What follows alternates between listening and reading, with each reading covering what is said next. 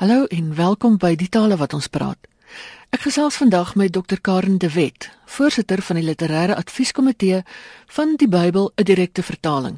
En ek wou baie weet waar kom die opdrag vir 'n nuwe Bybelvertaling vandaan? Dit is eintlik 'n baie lang proses. Reeds in 1996 het daar was al kerke, die kerklike advieskomitee wat gedink het maar ons het 'n nuwe vertaling nodig. In 2001 is 'n internasionale kongres gehou waar daar navorsing gedoen is oor soorte vertalings en waarom dan nou 'n nuwe Afrikaanse vertaling en die Bybelgenootskap self het ook 'n marknavorsing gedoen. En toe is daar opdrag gegee deur die kerke wat Afrikaans as voertaal gebruik in Suid-Afrika en elders um, aan die Bybelgenootskap dat hulle 'n nuwe vertaling wil hê. Maar die vertaling is anders as vorige vertalings. Vertel bietjie. Dit is deesdae al meer opmerklik dat mense ruimte daarvoor maak dat verskillende mense by verskillende geleenthede waarskynlik verskillende vertalings gebruik. Um hierdie vertaling se direkte vertaling, dit gebruik die vertaalteorie van um Gut, Ernst August Gut en dit kom daarop neer dat die strewe van die vertaling is om die direkte woorde van die brontekste weer te gee. Soos jy kan 'n parallel trek met direkte rede. In plaas van om te sê Rut het gesê of die predikant het gesê dat ons soet moet wees, sal ons sê die predikant sê julle moet gehoorsaam wees. So die dit is die strewe, die direkte woorde uit die brontekste. Ons is dan ook baie gelukkig om uh, met brontaalkenners te werk wat direk uit die brontale vertaal, Hebreëus, Aramees en Grieks. Nou die spanne is opgemaak uit kenners uit verskillende velde. Geen net bietjie daai agtergrond? Ja, iemand het 'n regtig omvangryke projek vir elke Bybelboek, insluitend in die Deuteronomiese boeke, was daar 'n boekspan wat bestaan het uit twee eksegete, of teoloog, 'n brontaalkenner van die spesifieke Bybelboek, 'n taalkundige en 'n letterkundige en wat ons op in die boekspanne genoem het 'n intravertaler wat professionele kreatiewe digters, vertalers, interpreteerders was. Maar dit is ook nie die eerste keer dat 'n deuterokanonieke weergawe uh, in Afrikaans vertaal is nie. Weet jy, daar is nogal ehm um, Ek dink is relatief onbekend, maar in 1953 en 1983 Bybels het weergawes, uitgawes waarin die Deuterokanoniese boeke opgeneem is.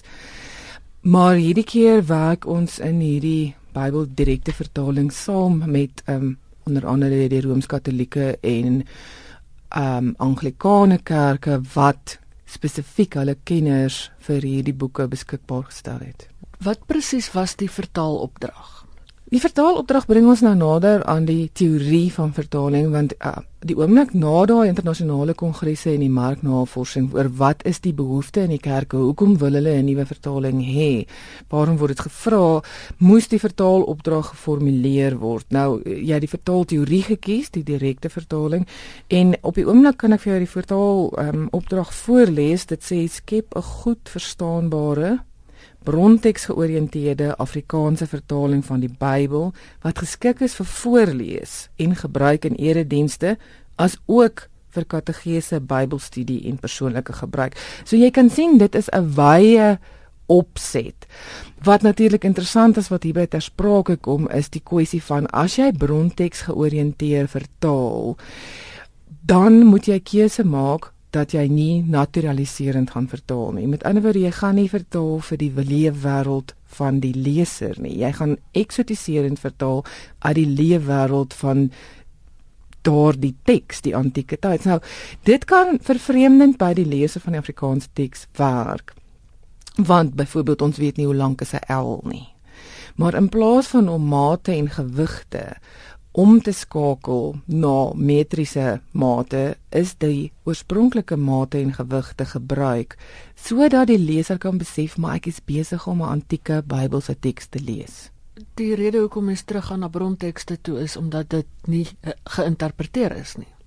Ja nee, kyk, die vertaling is baie duidelik in die vertaalopdrag dat dit bronteks georiënteer moet wees. So en dat dit direk is. So ons strewe in teenstelling met vorige vertalings wat byvoorbeeld dinamies ekwivalent is, val die klem nie op die betekenis of die interpretasie van die betekenis waar jy maklik in die dogmatiek kan verval nie.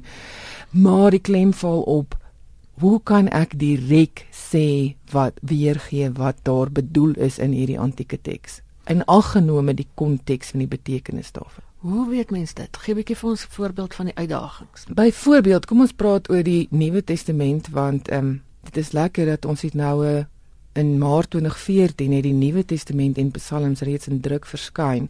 Dis nie die finale weergawe nie, dit is wel 'n weergawe wat gedruk is sodat mense, lesers van die Bybel, kerkgroepe, um reaksie kan gee op hierdie nuwe vertaling.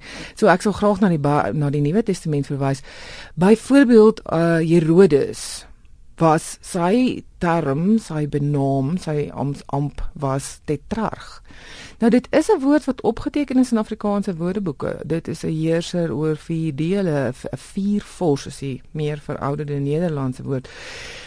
Maar dit word nie so noodwendig so dikwels in Afrikaans gebruik nie. Maar as die konteks dan sê maar hierdie was Herodes se amp, dan sal ons nou kies ter wille van bronteks georiënteer en eksotisering om tetrarch te gebruik.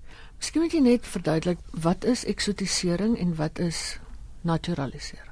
Nou dis nou eintlik jy weet literêre begrippe vir vertaling wat mm, jy kan dit maklik in die middeleeuse kerslied sien in die, die middelnederlandse kerslied moet ek eintlik sê. Daar word kersliedjies geskryf oor Maria en Josef en die sneeu. Nou in Palestina was nou nie sneeu nie.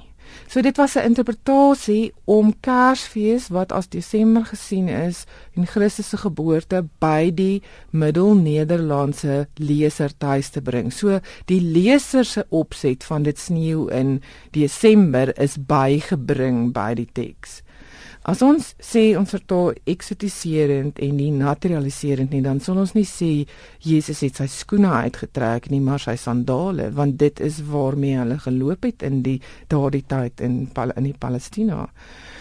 Ehm um, jy beland natuurlik in die moeilikheid want het Jesus nou die leertoutjies losgemaak van sy sandale want dit was nie gespes nie of veters en dan is daar die assosiasie aan is, is goed wat vir tekkies gebruik word. Dit is natuurlik die ander ding wat dit taal so interessant maak. Daar's die woordvelde, die semantiese velde van die woorde is het assosiatiewe betekenis vir lesers. So afgesien van uh, woordeboeke gebruik ons uiteraard ook ehm um, kwessies van die woordfrekwensies. Die taalkundige kollegas byvoorbeeld Ernst Kotse sal mooi kan verduidelik dat die database wat hulle gebruik kan baie duidelik aandui hoe dikwels kom hierdie woord voor. En natuurlik is daar dinge wat skuif in die taal soos daar is nog mense wat sê in teestelling en dan is daar mense wat sê in teenstelling. So dan kyk ons na woordfrekwensie en ons onthou dat die vertaling gemaak word vir die toekomende geslag en probeer om um, die regte vorm te kies. In hoe mate gaan dit gaan hierdie nuwe vertaling dan nou anders klink vir die gebruiker as waaraan ons gewoond is? Jong, elke vertaling het mos sy eie merk. Dit lê in die aard van die vertaling. Daar is nogal breedweg gesien 'n verband hoorbaar tussen die inslag in die 53 vertaling en die inslag in die direkte vertaling net omdat die soort letter letterlike vertaling wat 53 gevolg het en die soort woord vir woord vertaling um, 'n bietjie nader aan mekaar lê die soort vertaling wat die 83 vertaling was die dinamies ekwivalente vertaling val val 'n bietjie op 'n ander vlak. So ek dink dit gaan so onbekend wees nie maar ek hoop dit sal 'n bietjie uitdagend wees. Daar is fondse vir my. Byvoorbeeld in Efesiërs is vir 'n voorbeeld van 'n fonds waarvan ek baie hou. Ehm um, die vorige vertalings het verwys na 'n vrou met haar man of 'n man sal sy vrou aankleef. Nou die Griekse woord se stam sê die brontaalkenners ons het te doen met gom, vasplak. So die fonds wat ek vind in die Bybel die direkte vertaling is sê nou die vrou sal of die man sal haar tot hom tot sy vrou verbind gebruik mens in die vertaling dan die taal wat vir die leser of die luisteraar bekend is. Jy weet dis 'n moeilike ding hierdie storie van bekend. Dit laat my dink aan Antjie Kroog wat gesê het vir wie skryf ek vir die skoolmeisie wat 5 bladsye byskryf by haar gedig, maar ek skryf jou gedig. Uh, jy kan nie besluit vir wie jy skryf nie, maar dis een van die uitdagings van hierdie vertaling is dat ons die taal wil verruim. Nie nuwe met nuwe woorde wat ons uitdink nie, maar die gebruiksfrekwensie van taal wil verruim en ook in die woorde wat dalk al bietjie in on, onbruik geraak het wil terugroep sonder dat ons vervreemdend is. Ek sal jou 'n voorbeeld gee. As jy kyk in Lukas 4 vers 33, dan staan daar dis nou in die direkte vertaling in die sinagoge was daar 'n man wat besete was deur die gees van 'n onrein demoon. Nou sommige lesers sal reageer en sê maar jy's van die duiwel besete, hoekom sê julle nie deur die gees van 'n onrein duiwel nie? Nou die probleem hier is dat Grieks gebruik die woord daimonion en diabolos. So as daar daimonion staan, verskoon my Griekse uitspraak, dan gebruik ons die vertaling demoon. Al is dit dalk vir verskeie lesers minder gebruiklik, terwyl as daar staan die diabolos, dan is dit duiwel. So dit kom direk uit die grondteks uit. Ehm um, en die kwessie van dat jy meer as een woord het in die brontaal wat jy dan moet ondersteun met verskillende woorde in Afrikaans, lei mens natuurlik ook na die eksotisering.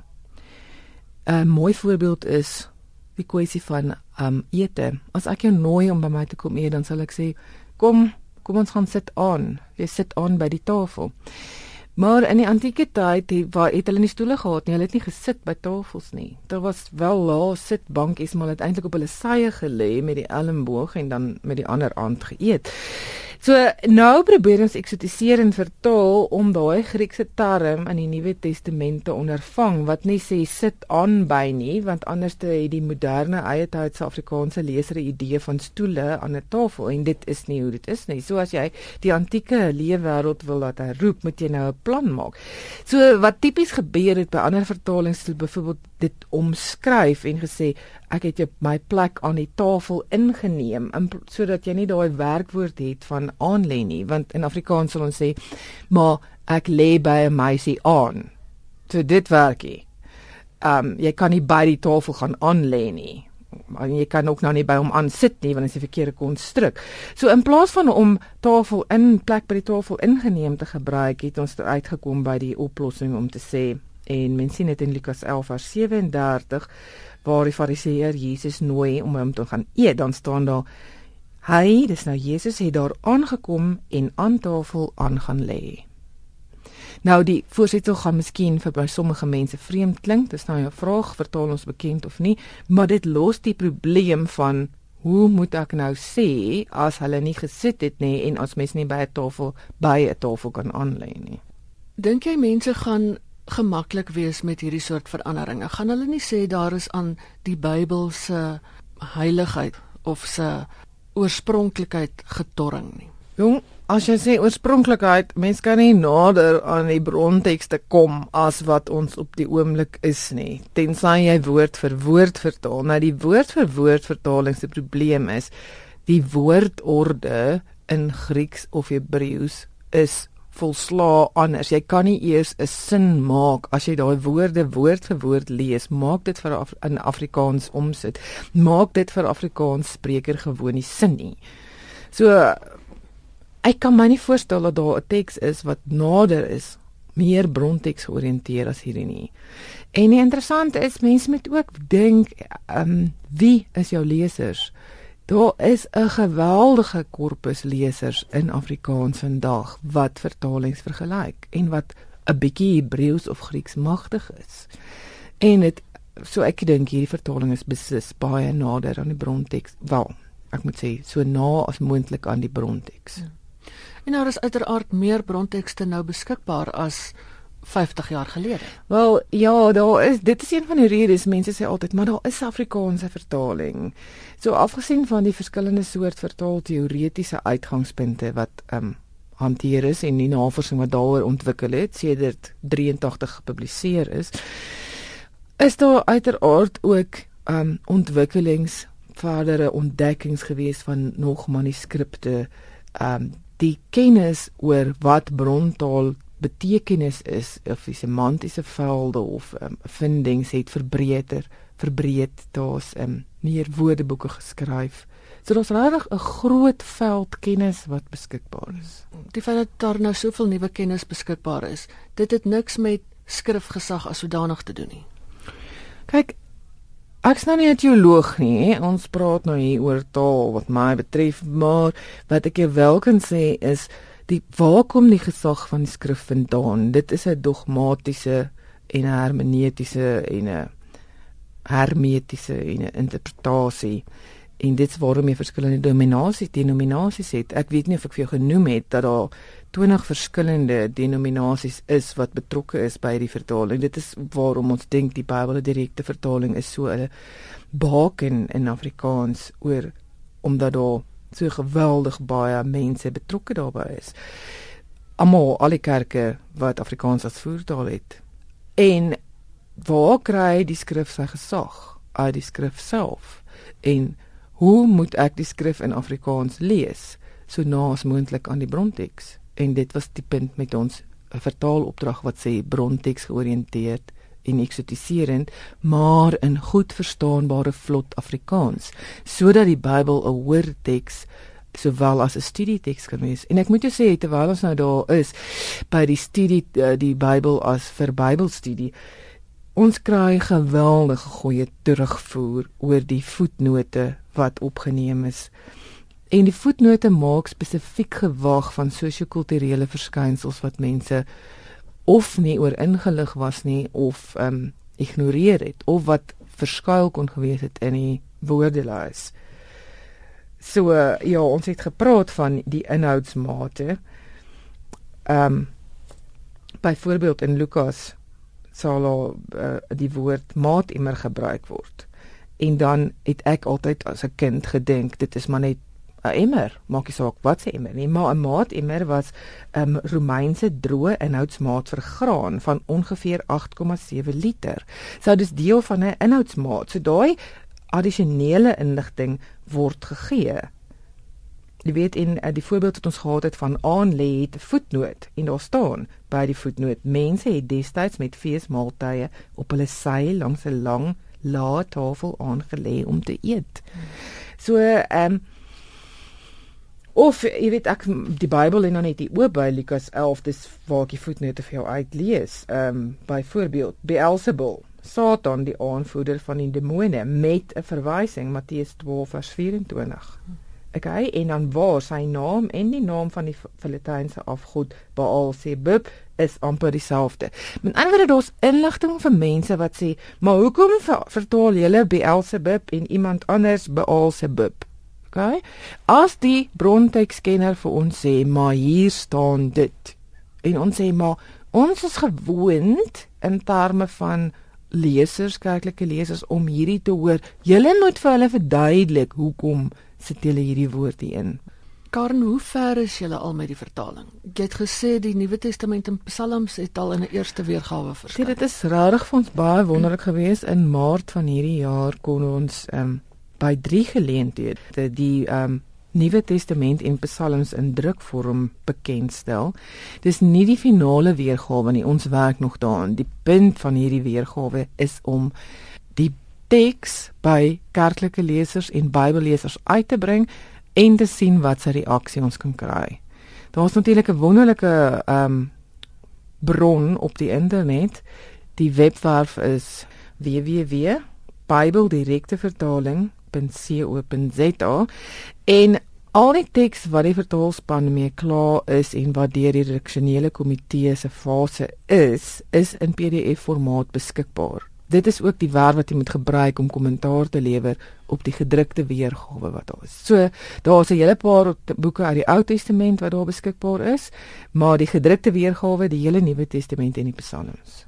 So mense kan kommentaar lewer. Mense kan kommentaar lewer via die werf of via hulle kerke soos hulle wil. Um hulle kan ons sal eintlik regtig dankbaar wees vir leesreaksie want dis die fase waarin ons nou is met die Nuwe Testament en die Psalms. Wat dink kerklike lesers, wat dink Bybellesers oor die taalgebruik? Wat is hulle opinie? Ek natuurlik Ina, ek weet die tyd is verby, maar 'n wonderlike gesprek om te hê is die poëtiese vertaling van poëtiese de dele en die absoluut asembenemende vertaling van die psalms. Dan gaan ons definitief binnekort weer so maak. Baie dankie. Baie dankie. Dit was dokter Karen de Wet van die departement Afrikaans aan die Universiteit van Johannesburg. Maar vandag was sy hier na rodanigheid as voorsitter van die literêre advieskomitee van die Bybel 'n direkte vertaling. daarmee van my Ina Strydom groete tot 'n volgende keer